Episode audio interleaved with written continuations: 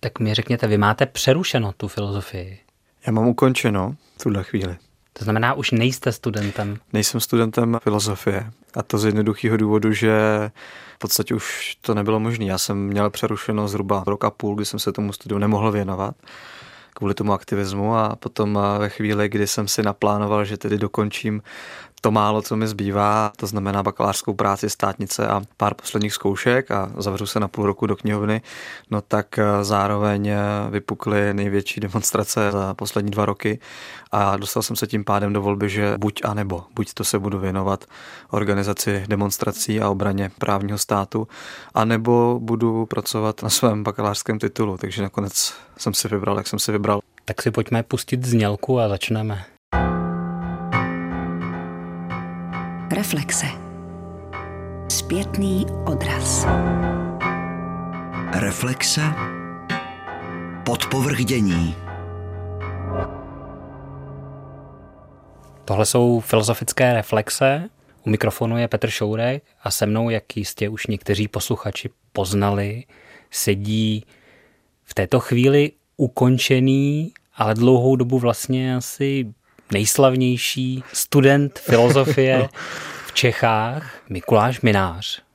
Dobrý, Dobrý den. Dobrý, Dobrý den. den. Vlastně už nejste dál studentem. Už nejsem, no tak to bych taky neřekl. Já se považuji za uh, celoživotního studenta a ne v tom smyslu, že bych nedokázal ukončit žádný obor, ale v tom smyslu, že uh, Studium, a asi obzvlášť studium filozofie vlastně není nikdy ukončené a myslím si, že kdo se na ten eh, obor podívá i jako student, tak zjistí, že těch pár let toho studia je spíš taková vstupní brána, taková ochutnávka, která ho uvádí do toho světa, ale filozofie to je cesta, to je nikdy nekončící proces a je to způsob existence a bytí ve světě. Takže vy jste teď ve světě tak, že organizujete poměrně velké akce. Byla ta filozofie něco, co vás jako přivedlo k tomu, že jste to začal vůbec dělat? Filozofie je spojená s hlubším přemýšlením o světě, s nějakou reflexí světa, to znamená i reflexí toho, jak třeba dneska vypadá politická situace u nás, ale nejenom u nás, vlastně v celém světě, toho, co se děje.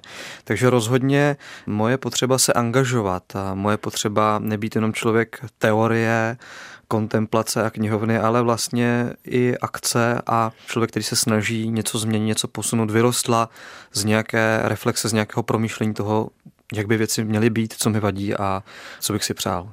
Možná už někteří posluchači slyšeli takovou historku, kterou hmm. dáváte k dobru hmm. v médiích, proč jste hmm. s tím celým začal, protože vám ve schránce přistálo něco, nad čím jste se zamyslel pravděpodobně mnohem hlouběji než většina lidí, kterým to přistálo ve schránce. Já si tady nepamatuju, hmm. že by mi hmm. smlouva Andreje Babiše s občany České republiky, kdy byla přistála ve schránce, hmm. hmm. vám přistála, vy si to pamatujete. Hmm.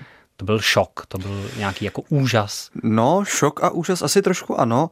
V první chvíli, když jsem si tu smlouvu přečetl, tak mě to vlastně pobavilo. Četl jsem to jako takový marketingový trik a nejprve jsem to vyhodil do koše, ale potom jsem to z toho koše vytáhl a zamyslel jsem se nad tím ještě jednou a musím říct, že mě to vlastně i trošku naštvalo, protože řada těch slibů, které tam budoucí premiér proklamoval, tak byla až jako na hraně drzosti a já jsem si řekl, přece není možné, že už teďka, když je jasné, že ten člověk potenciálně může mít nějaké problémy s demokracií nebo znamenat problémy, takže nám tady slibuje, že zrovna on bude tu demokracii rozvíjet a podporovat. Přišlo mi to vlastně jako skutečně marketingový trik a přimělo mě to prostě k tomu, že jsem si tu smlouvu nalepil na zeď a řekl jsem si, dobře, volby jsou za nějaké tři týdny, budeme sledovat, jak to dopadne. A samozřejmě v tu chvíli jsem ještě vůbec netušil, že já sám se začnu nějak angažovat v tom, aby budoucí pan premiér tu vlastní smlouvu plnil že to je marketingový trik nebo marketingový nástroj asi zřejmé, protože ta smlouva dosti kopíruje jiné podobné marketingové nástroje. Například kandidující Donald Přesně Trump tak. měl podobnou smlouvu, Přesně rozesílal tak. do schránek. Přesně tak. A tam je ta inspirace naprosto zřejmá a, a vlastně to dopomohlo k tomu nápadu, který stál úplně na začátku naší činnosti. To znamená, pane Babiši, vy jste nám tady něco slíbil, my vás budeme kontrolovat. A u toho prezidenta Trumpa pikantnost té smlouvy spočívala v tom, že slíbil, co všecko vykoná v prezidentském úřadě v prvních 100 dnech. A tím, že si tam dal toto časové omezení, tak nebylo nic snažšího, než po těch 100 dnech udělat podtrženo sečteno a zjistit, že neudělal nic z toho, co slíbil. On the first day of my term of office, My administration will immediately pursue the following six measures to clean up the corruption and special interest collusion in Washington. First, ta jeho smlouva zároveň ještě kopíruje mnohem starší model, protože podobnou věc, takzvaný Contract with America, čili jakousi smlouvou s Američany nebo s Amerikou, prezentoval už Newt Gingrich v hmm. 90. letech hmm, hmm, hmm. a to zase kopíruje Reaganův projev prostě z 85. roku. If we have a majority, if the American people accept this contract, that they can expect to work five days a week in January, six days a week in February and March, and 24 hours a day around the clock towards the end if necessary, but we are going to get je to taková dlouhá tradice to dlouhá takových tradice, kontraktů, a vy jste ten kontrakt vzal vážně. Já jsem ho, no vlastně já jsem se zamyslel nad tím, on tam na konci té smlouvy přesně už jakoby je ten podpis pana Babiše a čeká se na ten náš podpis, že my to podepíšeme. On totiž eh, v preambuli té své smlouvy říká, vážení občané, já vás žádám o chvilku vašeho času.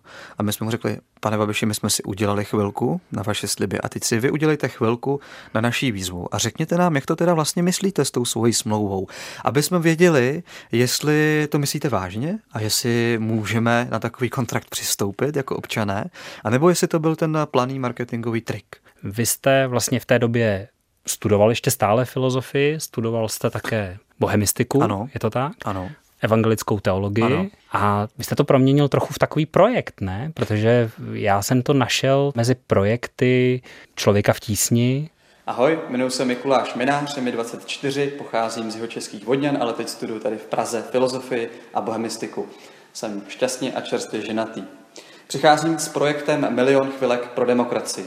Ten vychází z myšlenky, že funkční demokracie tu není sama od sebe, ale stojí na milionu malých chvilek, milionu obětí, které pro demokracii jednotlivci učiní.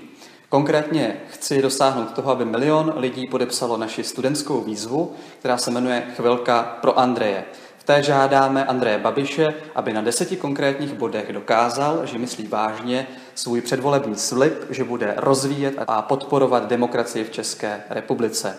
A do této soutěže Hledá se lídr jsem se přihlásil proto, že se chci naučit vést tým lidí, vést eh, větší projekt a že chci poznat nové inspirativní lidi.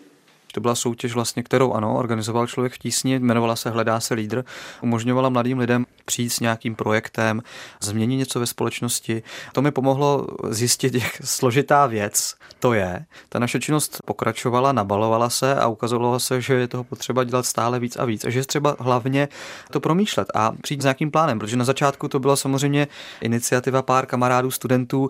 Nikdo z nás nečeká, že někdy budeme vůbec dělat demonstrace. Ani ta petice nebyla na začátku v plánu. Všechno se to vlastně organicky na sebe nabalovalo. Ale dá se říct, že v tom programu Hledá se lídr jste se našel vy jako lídr. Čili tady je teď lídr Mikuláš Minář to bych neřekl, dokonce jsem nepostoupil ani do druhého kola, protože prostě porota měla za to, že jsou tam jako schopnější projekty. Říkali si, že možná to vidím příliš naivně, optimisticky a tak dále. Já jsem se tím lídrem vlastně musel stát až jako v tlaku okolností, jo? až když vlastně přišel úspěch a přišly ty i zároveň obrovská očekávání, zodpovědnost a požadavky lidí, tak teprve tehdy si myslím, že vlastně až, až když jsem musel obstát v tom, na co vás žádná teorie nemůže připravit.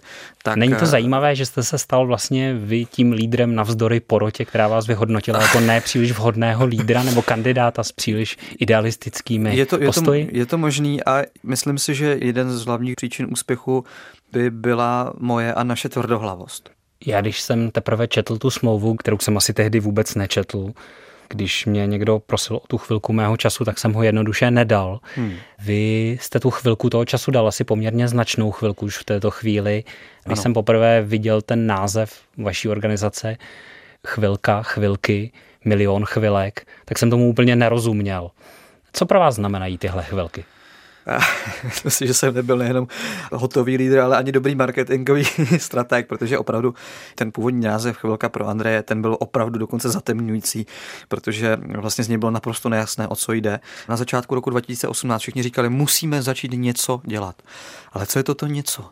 Co je toto něco? Co mám dělat, aby to skutečně mělo nějaký význam? No a my jsme přišli vlastně s jednoduchou myšlenkou, která zněla, podívejte se, nechce se po vás, abyste přinášeli velké oběti pokládali život eh, za demokracii, skončili s kariérou a začali jenom se věnovat demokracii a tak dále. Ono vlastně docela dobře by stačilo a v jistém smyslu je důležitější, aby velká část společnosti, my říkáme ten milion lidí, 10%, začalo dávat malé věci, aby si našlo tu chvilku každý den nebo jednou týdně. A dělalo ty úplně elementární věci, jako to, že se vůbec zajímáme o to, co se děje. Studujeme eh, společenskou situaci, mluvíme o tom s přáteli, sousedy, známými, ty informace šíříme. Když se nám něco nelíbí, dáme to najevo, podepíšeme petici, přijdeme na demonstraci, pokud se politici chovají, takže překračují určité mantinely, ale může to jít i dál, můžeme být aktivní sami v nějakém spolku, snažit se o něco v té společnosti společnosti. To všechno je vlastně malá věc pro jednotlivce, ale ta kvalita demokracie na tom ve výsledku stojí právě na těchto těch drobných úkonech, na lidech, kteří jsou ochotní přinášet ty malé oběti.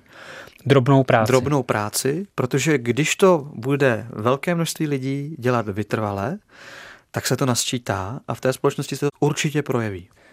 Čili vy jste definitivně stoupencem drobné práce. Ano, jsem definitivně stoupencem drobné práce vždycky těm lidem klademe na srdce, aby se neupínali k velkým jednorázovým akcím, protože to, proč má naše demokracie problém, jaké jsou příčiny toho problému, no tak to jsou hluboké, dlouhodobé příčiny.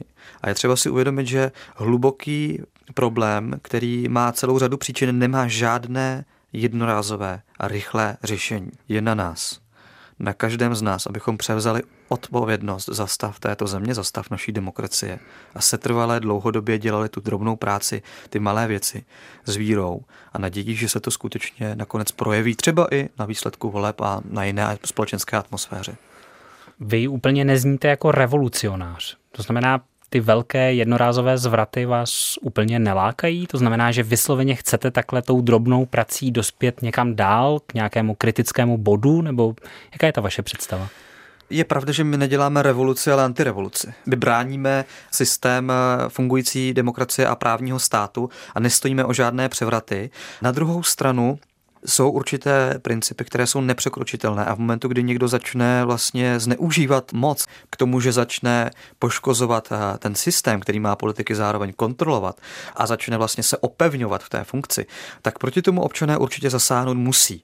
Ale teď, když někdo dává tu chvilku, když dělá tu drobnou práci a dělá ji na demokracii, je to nějaký pokus mít víc těch demokratů, když už máme tu demokracii?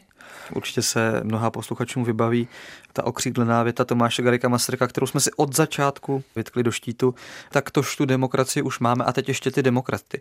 Myslím si, že to vlastně pořád je stejně pravdivé, jako to asi bylo za první republiky, protože demokracie zkrátka není samozřejmost, není to něco, na co jsme od přírody vybaveni, ale musíme se tomu učit, občanským eh, dovednostem a postojům a, a tomu být aktivní a klade to na člověka jisté nároky. Není to samozřejmé, ale přesně to potřebujeme.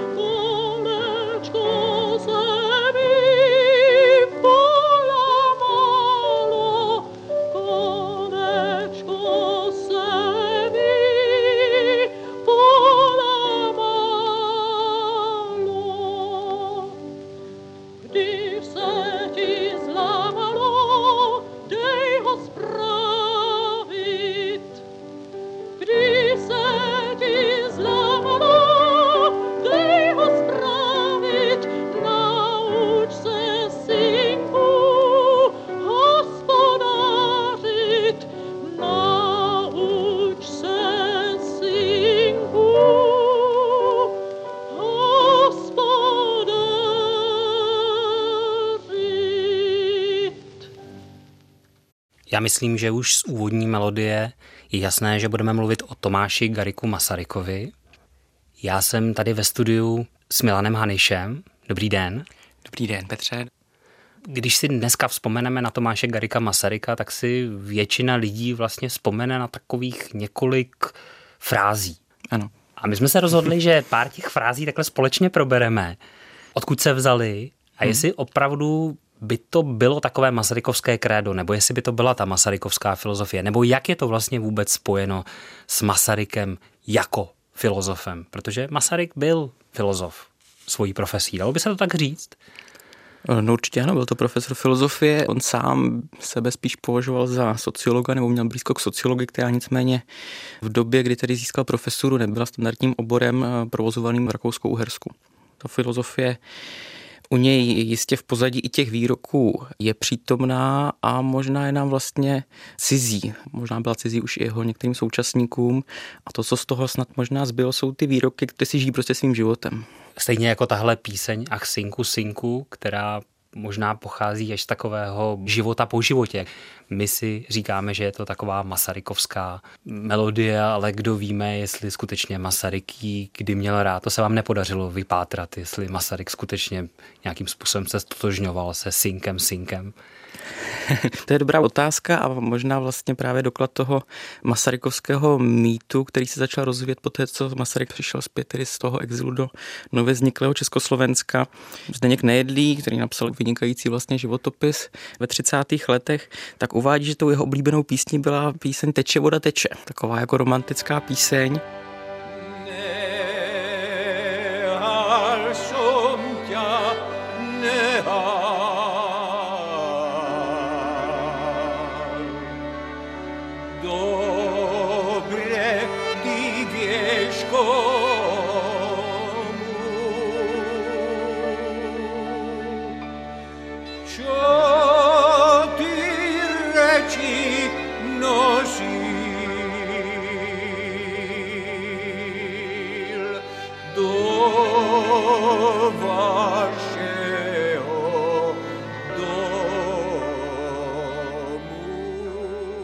Asi na tom jako více pravdy, že ta Masarykova eh, inklinace prostě k jistému typu citovosti romantismu byla zvláště dříve patrná, nicméně k tomu Masarykovi prezidentovi se prostě asi víc hodila tahle ta píseň Ach synku synku o tom, že když se prostě něco poláme, tak se to má opravit a nezoufat a to nějak bude. My jsme jí právě tu písničku slyšeli v podání Jarmily Novotné, operní pěvkyně. Samozřejmě to byl tak trošku i doklad toho, jak vypadá lidová píseň, když se jí zmocní operní pěvkyně, hmm. ten přednes. Doprovázel jí Jan Masaryk na klavír. A ona skutečně v tom místě tak trochu přidala. Kdy se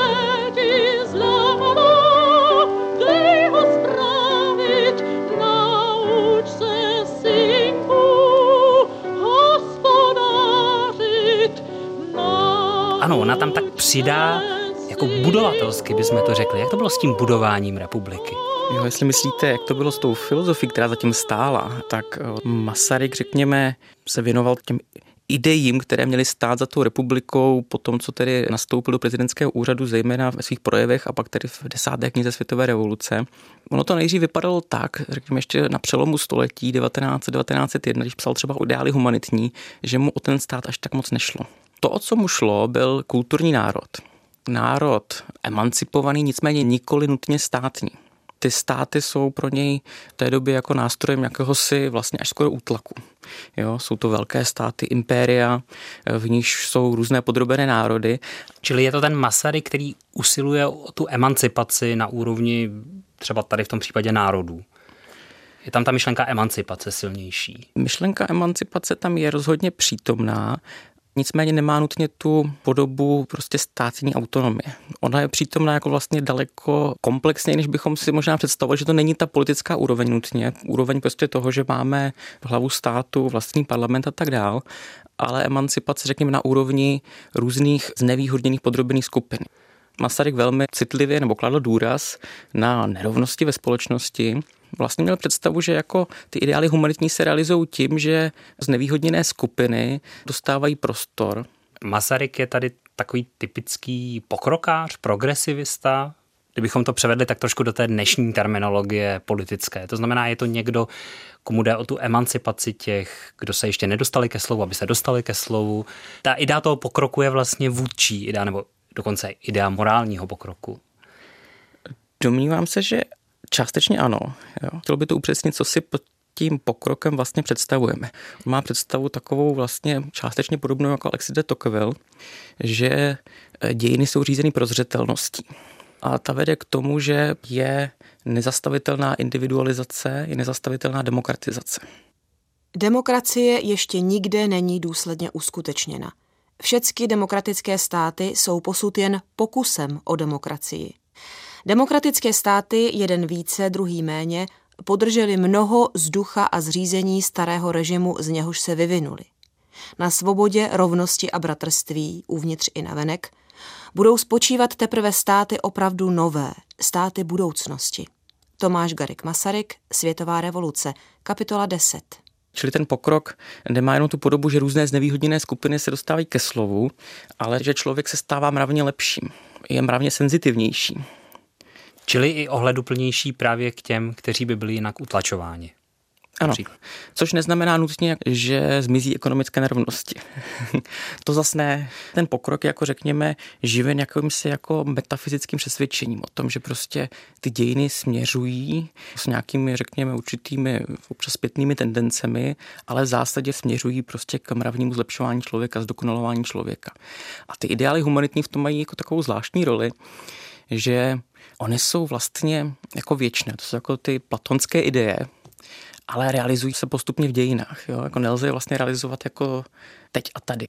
Musíme být, jako řekněme, třeba senzitivní vůči tomu, jak se realizovali i ve středověku. Jo? Mít jako určitý pochopení, že k té realizaci nedošlo tak úplně zcela. Prostě ta doba na to ještě, řekněme, nebyla zralá. Tady přicházíme i k ideji demokracie, protože je evidentní, že Masaryk se cítil potvrzen během světové války v tom, že on to dokládá v té světové revoluci několikrát, že na začátku těch monarchií bylo víc a potom právě světová válka, ale nejenom samozřejmě světová válka, ale rozpad koloniálních velmocí a podobně vedl k tomu, že přibylo těch demokratických režimů, že jich víc. A tady se samozřejmě dostáváme k tomu Masarykovu výroku, že demokracie bychom už měli, ale zatím nemáme ty demokraty. Kde jsou? To je možná jako zase jeden z těch výroků, které možná Masaryk někde pronesl, ale i kdyby ho nepronesl, tak v zásadě odpovídá tomu jeho přesvědčení, že k tomu pokroku dochází prostě taky generační výměnou že vlastně ta demokracie, aby byla stabilní, tak potřebuje taky třeba, aby měla několik desetiletí klidného nerušeného vývoje a aby, řekněme se, toho vesla, toho řízení, toho státu, chopili lidé, kteří už v tom demokratickém společenském systému vyrostli, byli v něm vzděláni. Zdá se, že Masaryk vidí ty demokraty, že teprve přijdou a že přijdou třeba s tou hmm. příští generací. A tady je jedno takové téma, se kterým Masaryk často přicházel a také často mluvil k mládeži. Vítejte. Zahájil jsem desetileté oslavy republiky z legionářů. A teď jste vy děti, druzí v řadě oslamovatelů. To vypadá jako ta kontinuita na jedné straně ti mrtví vzdálení legionáři, kteří se zasloužili o vznik toho samostatného státu a teď jsou tady druhé v řadě hned ty děti. On vnímal do jisté míry děti jako utlačované, které se musí osvobodit z toho područí, odrakouštět možná i trochu. Jak to bylo mezi Masarykem a dětmi? Možná bych nerád, aby vzniknul dojem, že Masaryk považoval děti za nutně utlačované. A jakkoliv je to tak, že pro něj, řekněme, ty rodinné vztahy nemusely být vždycky harmonické, bylo třeba na to klást jako důraz, že ta výchova demokracii začíná vlastně už v rodině. Je nutné jakési narovnání vztahů v rodině, protože tam si člověk osvojuje ty základní demokratické návyky, které se potom přenáší do širší společnosti. Už dávno bylo řečeno, cti otce svého i matku svou. Já myslím, že máme k tomu přidat a měj úctu k duši svého dítěte. Tomáš Garik Masaryk, Ideály humanitní, 1901. hovoří vlastně občas jako novozákonní prorok, že říká, jako už dávno bylo řečeno cti otce svého matku svou, jako to je ten starý zákon. Já však si myslím, že máme něco přidat. Jo? Měj úctu k duši svého dítěte. Já tomu rozumím tak, že on vlastně kladl také velký důraz na rozvoj individuality. Dle jeho přesvědčení ta výchova v té rodině i v té škole má vést k tomu, že to dítě rozvine nějak jedinečně svůj potenciál, své kompetence. A my vlastně nutně nevíme, co se vlastně rozvine. Jo? Máme jako jakousi naději, že vlastně ty další generace budou lepší a tudíž není úplně na nás klást jim ty jasné osnovy, jak to má vlastně všechno dopadnout. Ty další generace nás mravně překonají a my je potřeba vytvořit takové vzdělávací instituce, které s tímto budou počítat a budou vlastně ty eh, děti a mládež připravovat na budoucnost, v níž oni se chopí odpovědnosti a budou to dělat lépe, než to dělali naši předchůdci.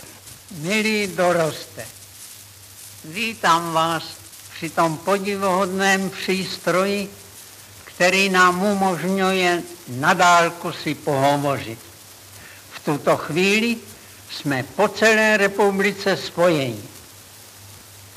O velikonočních dnech vzpomenete si na staré lidi. Slyším, že přemýšlíte, jak byste své babičce a dědečkovi udělali radost že prý budete předčítat slepé tetičce sousedových a že pečete buchty pro staré lidi v chorobincích. To je velmi pěkné. Snad jste již slyšeli, že vzdělanost národa poznává se podle toho, jak si dovede ctít stáří. Ke starým, jak mezi sebou, buďte přímí mluvte jasně a svobodně. To nevylučuje úctu. To vypadá jako mezigenerační solidarita, ale vlastně ta rovnost lidí, to, že spolu máme mluvit otevřeně, to je ten skutečný jaksi ideál humanitní, který zatím je, ta rovnost lidí? Já myslím, že ano, i když to možná není z těch projevů patrné, protože prostě oni jsou plné že, těch různých jako praktických mravokárných pouček, až nám tím Masaryk může být jako protivný. Že? Ale vlastně v zásadě si myslím, že ano, že zatím je ta představa, k tomu mravnímu pokroku patří ta senzitivita, kterou je třeba rozvíjet u té mládeže, u těch dětí. Ta zvláštnost dělání spočívá v té otevřenosti. Jo, on to vlastně bere tak, že to se zapomene, to se naučíte, že? ale máte se přitom naučit myslet, protože to je to, co budete potřebovat a to je to, co nám zůstane a bude to důležité v dalších budoucích situacích, které budou prostě nutně jiné. Jo? Masaryk vlastně ten jeho pokrok není jenom mravní, ale on je technologický. Jo? On je i institucionální. V tom novém státě to mělo být jiné. Nicméně samozřejmě nebylo asi úplně v jeho moci, aby rázem se všechno změnilo a nepřetrvávali, řekněme, modely toho rakouského světa. Ta nová republika měla být funkčnější, praktičtější. To Rakousko bylo naopak tedy nefunkční a rozpadlé, ne? Ta praxe je tam silný motiv u Masaryka. No, asi jinak, než možná bychom si dneska představovali, nebo když dneska se hovoří o tom, že škola má být praktická, to znamená, mají se třeba žáci připravovat nějaké dovednosti, které uplatní v podnicích, tak takhle on se to nepředstavoval. Protože i ta praxe se prostě mění a bude měnit. Přímo říká, že se ta praktičnost přepíná. Člověk jako je, je příliš zakotven v tom současném, to, co zrovna je potřeba a má tendenci jako nevidět nebo nezohledňovat to, co může být. Tohle je zrovna věc, která se tak jako přepíná přehání. Ale rozhodně klade důraz na práci, drobnou práci, to si můžeme poslechnout. Všichni jsme povoláni k práci. Každý na svém místě a podle svých vloh. Společnost musí mít pracovníky rozmanité, práce musí být účelně rozdělená a uspořádaná, ale všichni, kdo poctivě pracujeme, jsme si v práci rovní. Dobrý dělník není méně hodný než dobrý prezident. Slyšeli jste již o neštěstí na Poříči. Tam nebylo té poctivé práce, ať už je vinen ten nebo ne. Poctivá práce živí lidi. Poctivou práci živíme se každý a živíme své blížní. Tohle je Masarykův projev k dětem ze 27. října 1928 a možná jste tam zaslechli, že Masaryk zmiňuje jakési neštěstí na poříčí. Tehdy se zřítil špatně postavený nebo rozestavěný obchodní dům Jakeš na Poříčí. Bylo to proto, že dělníci ošidili ten materiál, byla ošizena ta práce, byl z toho velký skandál, probíralo se to v parlamentu, měnily se kvůli tomu zákony, pracovní regule. A Masaryk tohle neštěstí samozřejmě zmiňuje jako protiklad té poctivé práce. Malá, drobná práce. To je velké Masarykovo téma. To určitě, to je všichni samozřejmě známe ty výroky. Pracovat to znamená odpírat zlému a důsledně. Všude, vždy a zejména zlému v jeho zárodku. To neznamená být radikální, ale vytrvalý. Nemít strachu, řekl bych. Ze strachu se lidé dopouštějí násilí, ze strachu lžou. Tyran a lhář má strach a otrokem je i ten, který znásilňuje. Tomáš Garik Masaryk, Ideály humanitní, 1901. Často se cituje ten výrok nebát se a nekrás, že? což je eh, vlastně Masaryk používá v úplně jiném kontextu eh, už v roce 1913. Vidím také u nás vzrůst mamonismu.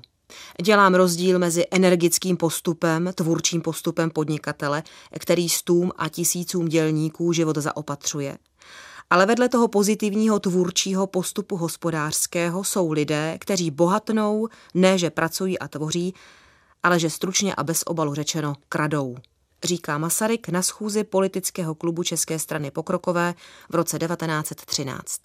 A už tehdy se eh, ta eh, pražská politická veřejnost potýkala s podobnými problémy. Ošizená práce, jo, ošizené veřejné stavby, předražené tramvajové linky. Vezměme například pražskou tramvaj, jak drahá je naše komunikace, jak drahé byty a tak dál. Je to divné kaput regni. Tedy pravím, náš úkol hospodářský a sociální jest veliký, abychom tvořili něco nového, abychom neměli jen slavnou minulost, ale také přítomnost. Nebát se, politicky a hospodářsky, nekrást. Jiného programu v dnešních poměrech ani míti nemůžeme. To je vlastně takový zvláštní jako spojení, že nebát se a nekrást, jo, jak, jak to by to vlastně mohlo spolu souviset, že nabízí se spíš jako nebát se si nakrást. Ale pro Masaryka zdá se mi je v tom hluboká víra v to, že ty věci dobře dopadnou. Když se člověk spolehne na prozřetelnost, tak nemá potřebu podvádět, nemusí prostě ohýbat pravidla. Nemusí se bát, že bude válka, říká to ještě v roce 1913 i ve 30. letech, jo, že nevěří, že bude světová válka. Masaryk byl přesvědčen, že ten stát skutečně potřebuje mravní založení. A to mravní založení u něj teda je podpořeno, podepřeno vírou v nesmrtelnost, vírou v prozřetelnost. A bez těch dvou věcí, jako ta mravnost je taková nestabilní. Když se teď pokusím ještě jednou schrnout, Milane, co říkáte, hmm. rozumím tomu správně, že ta drobná práce je možná právě jenom proto, že se to všechno děje v tom velkém teleologickém rámci prozřetelnosti dějin, které přesto vlastně směřují k tomu mravnímu pokroku. A tak se vlastně jako v podstatě o ten velký rámec té své drobné práce nemusíme až tak starat. To zní přece jenom dost šíleně.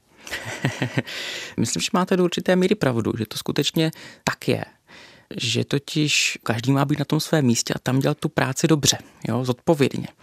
A ten celek, no ono to nějak, on to nějak dopadne, jo. Práce není ideálem, není posledním účelem, je prostředkem. My, každý, kdo jsme upřímní, chceme mít prázdno. Práce je drobná, nemilá. To je práce, čeho nikdo nechce dělat. Ale my jsme romantikové. Toho romantismu má každý dost. Chceme být reky a chceme se honosit velikými činy. Čin, ale ne práce. Tomáš Garik Masaryk, Ideály humanitní, 1901. Ono zatím je taky taková Masaryková obava z toho takového jako romantického heroismu. Přirozené lidské touhy prostě dosáhnout něčeho velkého. Usilovat prostě o radikální změnu poměru, jo, revoluci a něco takového, což podle Masaryka je vlastně druh jistého úniku i z té slabosti, jo, že člověk jako se snaží dosáhnout něčeho velkého, přitom stačí do značné míry dělat dobře to, k čemu je nějak určen, kde se narodil, jakou profesi vykonává a tak dál. No a kdy v tom novém státě to, tam představa byla taková, že teda když tohle to krédo jako přijmeme, tak vlastně není čeho se obávat. Takže je to ten, řekněme, civilní nebo civilistický étos první republiky skutečně nějak souvisí s tím Masarykovým myšlením a na té druhé straně je to, co kritizuje Masaryk. Tehdy se tomu říkalo titánství nebo titánismus a ten nějak tak se spojoval s tím romantickým, zejména tedy německým myšlením. Asi pro Masaryka to tak bylo, ne? Ano, on spojuje vlastně i v té světové revoluci ten jako německý romantismus, jako řekněme, s politicky neblahými důsledky. Spojuje takový ten jako antipolitický titanismus, vlastně destruktivní, nedemokratický, zejména s německým myšlením, s německou filozofií. Přitom je takový ten známý výrok, že státy vznikají a zanikají s těmi idejemi, se kterými vznikly. To znamená, že vlastně ten každý stát je realizací nějaké ideje, s tou vznikne a potom případně zanikne.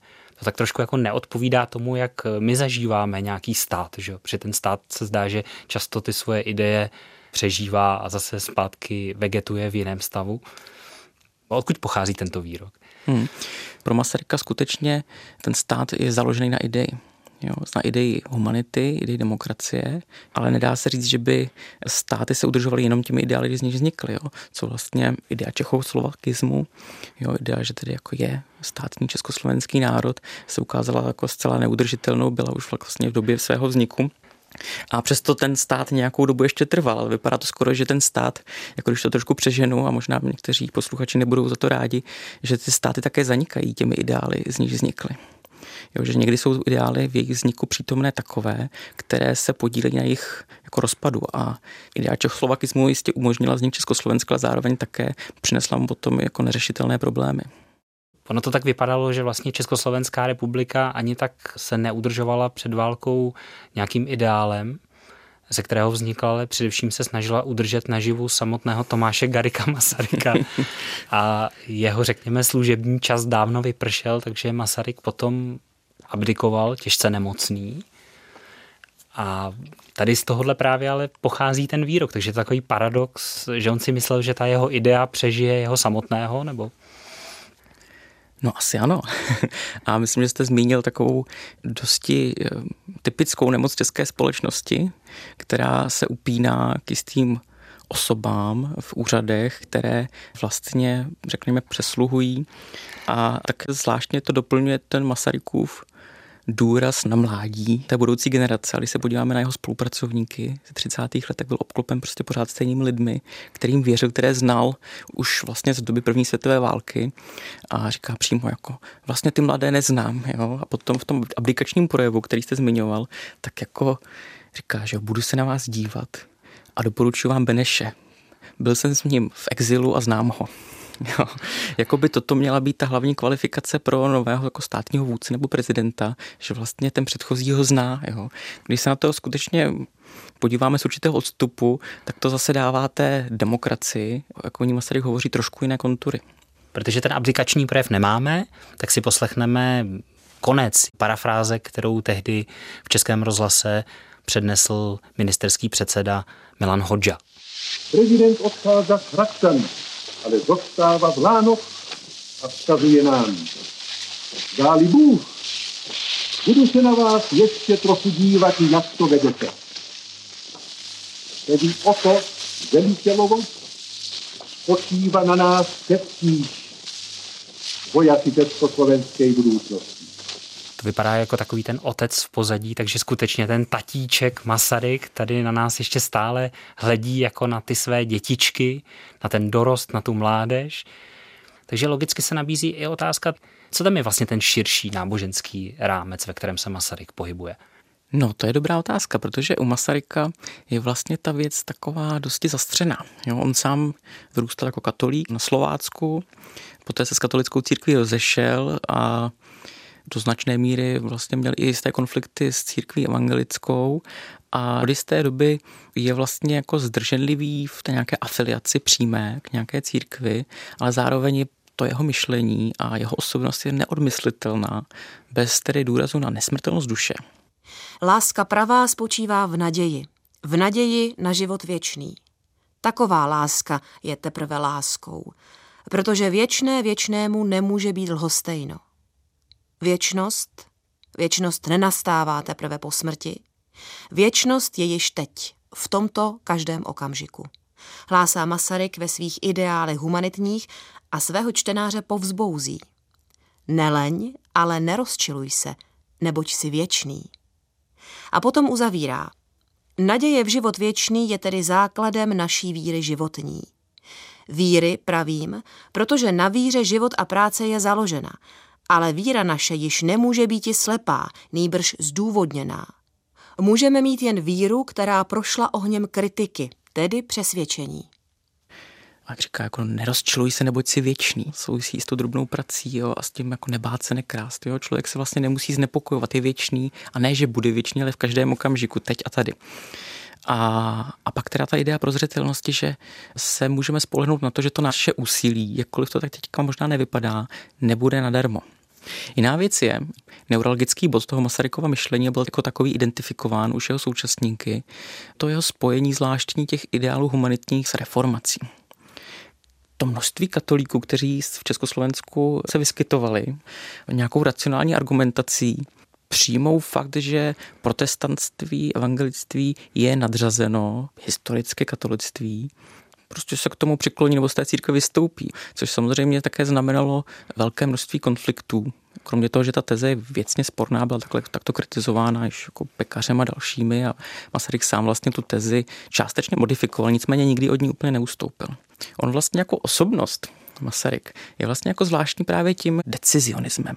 Prostě když se pro něco racionálně rozhodnu, tak nejsou žádné překážky, takže člověk z východní Moravy, ze Slovácka se stane Čechem, pak Čechoslovákem a není s tím žádný problém. Přestane být katolíkem, stane se protestantem, pak začne být čímsi těžko identifikovatelným a zase je to věc prostě rozhodnutí, který je racionální. Masaryk v tomhle tom je takový jako zvláštní, že jako by neměl pochopení, protože lidé mají různé motivace a ne vždycky to rozhodování jejich je přímé, jednoznačné téměř 50 letech zjistí, že alkohol škodí prostě lidským vztahům a tak dál, tak prostě přestane pít. Ten nárok jeho je až takový jako odcizující. Jo? Jako slyšíme to i z těch projevů, že nám říká prostě, že se máme správně mít, nemáme pít a tak dál. Tak je to vlastně jako roztomilý, ale zároveň to pak vypadá, že ta jeho vlastně státní filozofie, nebo filozofie, která je za vznikem Československa dle jeho představ, tak je vlastně jako cizí. Cizí i lidem jeho doby a byla do značné míry. Dá se říct, že ty jeho ideály humanitní jsou dneska živé, že žije něco víc než těch pár vytržených frází, kterým možná ani pořádně nerozumíme. Nebát se a nekrást je skutečně enigmatická fráze. Hmm. No těžko říct, Petře, to já opravdu nevím a vlastně moc netroufnu na tu otázku odpovědět. Kdybychom se zeptali v parlamentu, kdo četl ideály humanitní, tak se obávám, že bychom těch čtenářů spočítali na prstech dvou rukou a nejinak by tomu bylo asi v jakékoliv jiné instituci. Prostě Masaryk je živý spíše jako ten symbol a vlastně je to asi tak správně. Vlastně na tom asi není nic špatného, že ta kontinuita intelektuální, kulturní, prostě zahrnuje jisté neporozumění, jo? produktivní neporozumění, že prostě ty jeho výroky žijí svým životem, používají si k legitimizaci v nějakým aktuálním úsilí a politických bojích a na tom není nic špatného. To je vlastně ne důkaz živosti toho myšlení samotného, ale ten symbol nás nějak udržuje a spojuje tak to byl Tomáš Garik Masaryk jako symbol, jako příběh, jako fikce, která nás všechny spojuje, kterou si tak vzájemně vyprávíme, jak jsme si o tom teď vyprávili společně s Milanem Hanišem z Masarykova ústavu Akademie věd.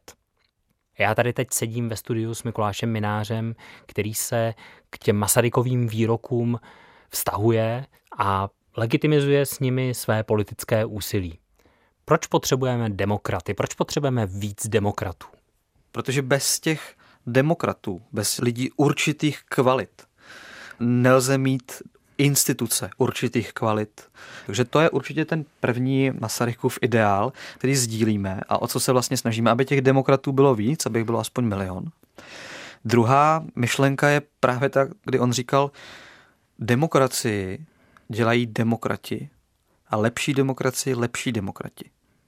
Jestli jsme nespokojeni se stavem naší demokracie, tak je třeba si uvědomit, že to je skutečně do velké míry odraz toho, jak smýšlíme a jaký jsme my všichni. A ta třetí Masarykova věta je, že demokracie je diskuze. V demokracii jde o střetávání různých pohledů na věc, různých zájmových skupin, o jakési vyjednávání toho, jak má vypadat zpráva věcí veřejných. A samozřejmě kvalita té diskuze, to, jak moc se zakládá zase na pravdě, na racionálních argumentech, jak kvalitně formuluje opravdu skutečně zájmy jednotlivých společenských skupin, to je hrozně důležité. To znamená, jestliže demokracie dělají demokrati, a demokracie je zároveň diskuze, no tak demokrata činí do velké míry demokratem to, jak moc je schopen diskuze. Tady vlastně zaznívá hrozně často argument, že tohle je můj názor, já si ho můžu říkat, je to můj názor, tak ho respektuj, ale je třeba rozlišovat názory a fakta. Jsou tisíce různých názorů, ale jsou jenom jedna fakta. A pokud říkáme, že každý názor je stejně pravdivý, nehledě na to, jak moc se zakládá na faktech, no tak s tím bych prostě nemohl souhlasit a je třeba rozlišovat. To, že někdo něco říká a že to uh, třeba i nachází odezvu ve společnosti, ještě neznamená, že to je pravda, protože pravdu přeci nelze odhlasovat. A i většina se může mílit. Váš oblíbenec Yuval Harari říká, že člověk se liší od těch ostatních druhů právě tím, že je schopen se flexibilně organizovat ve velkém množství. Je to to, co děláte? Že se pokoušíte ve velkém množství flexibilně se organizovat? Ano, určitě. On vlastně říká, že to je klíčová dovednost lidstva, proč dneska lítáme na měsíc, štěpíme atom, rozluštili jsme genetický kód, když před 70 tisíci lety jsme se proháněli po savaně a neměli jsme na systém o moc větší dopad než medúza nebo gorila. On říká, že to, jak jsme se dostali sem, a co nás žene dál, je schopnost organizovat se flexibilně ve velkém množství a točíme to umožněno, je jazyk, symbolický systém a schopnost vytvářet fikce, vytvářet vlastně nějaké příběhy, ať už jsou to náboženství nebo ideologie, nebo nakonec i, i právní fikce, které umožňují velkému množství lidí vlastně jednat koordinovaně a dosahovat stejných cílů a stejných zájmů, přestože se osobně neznají.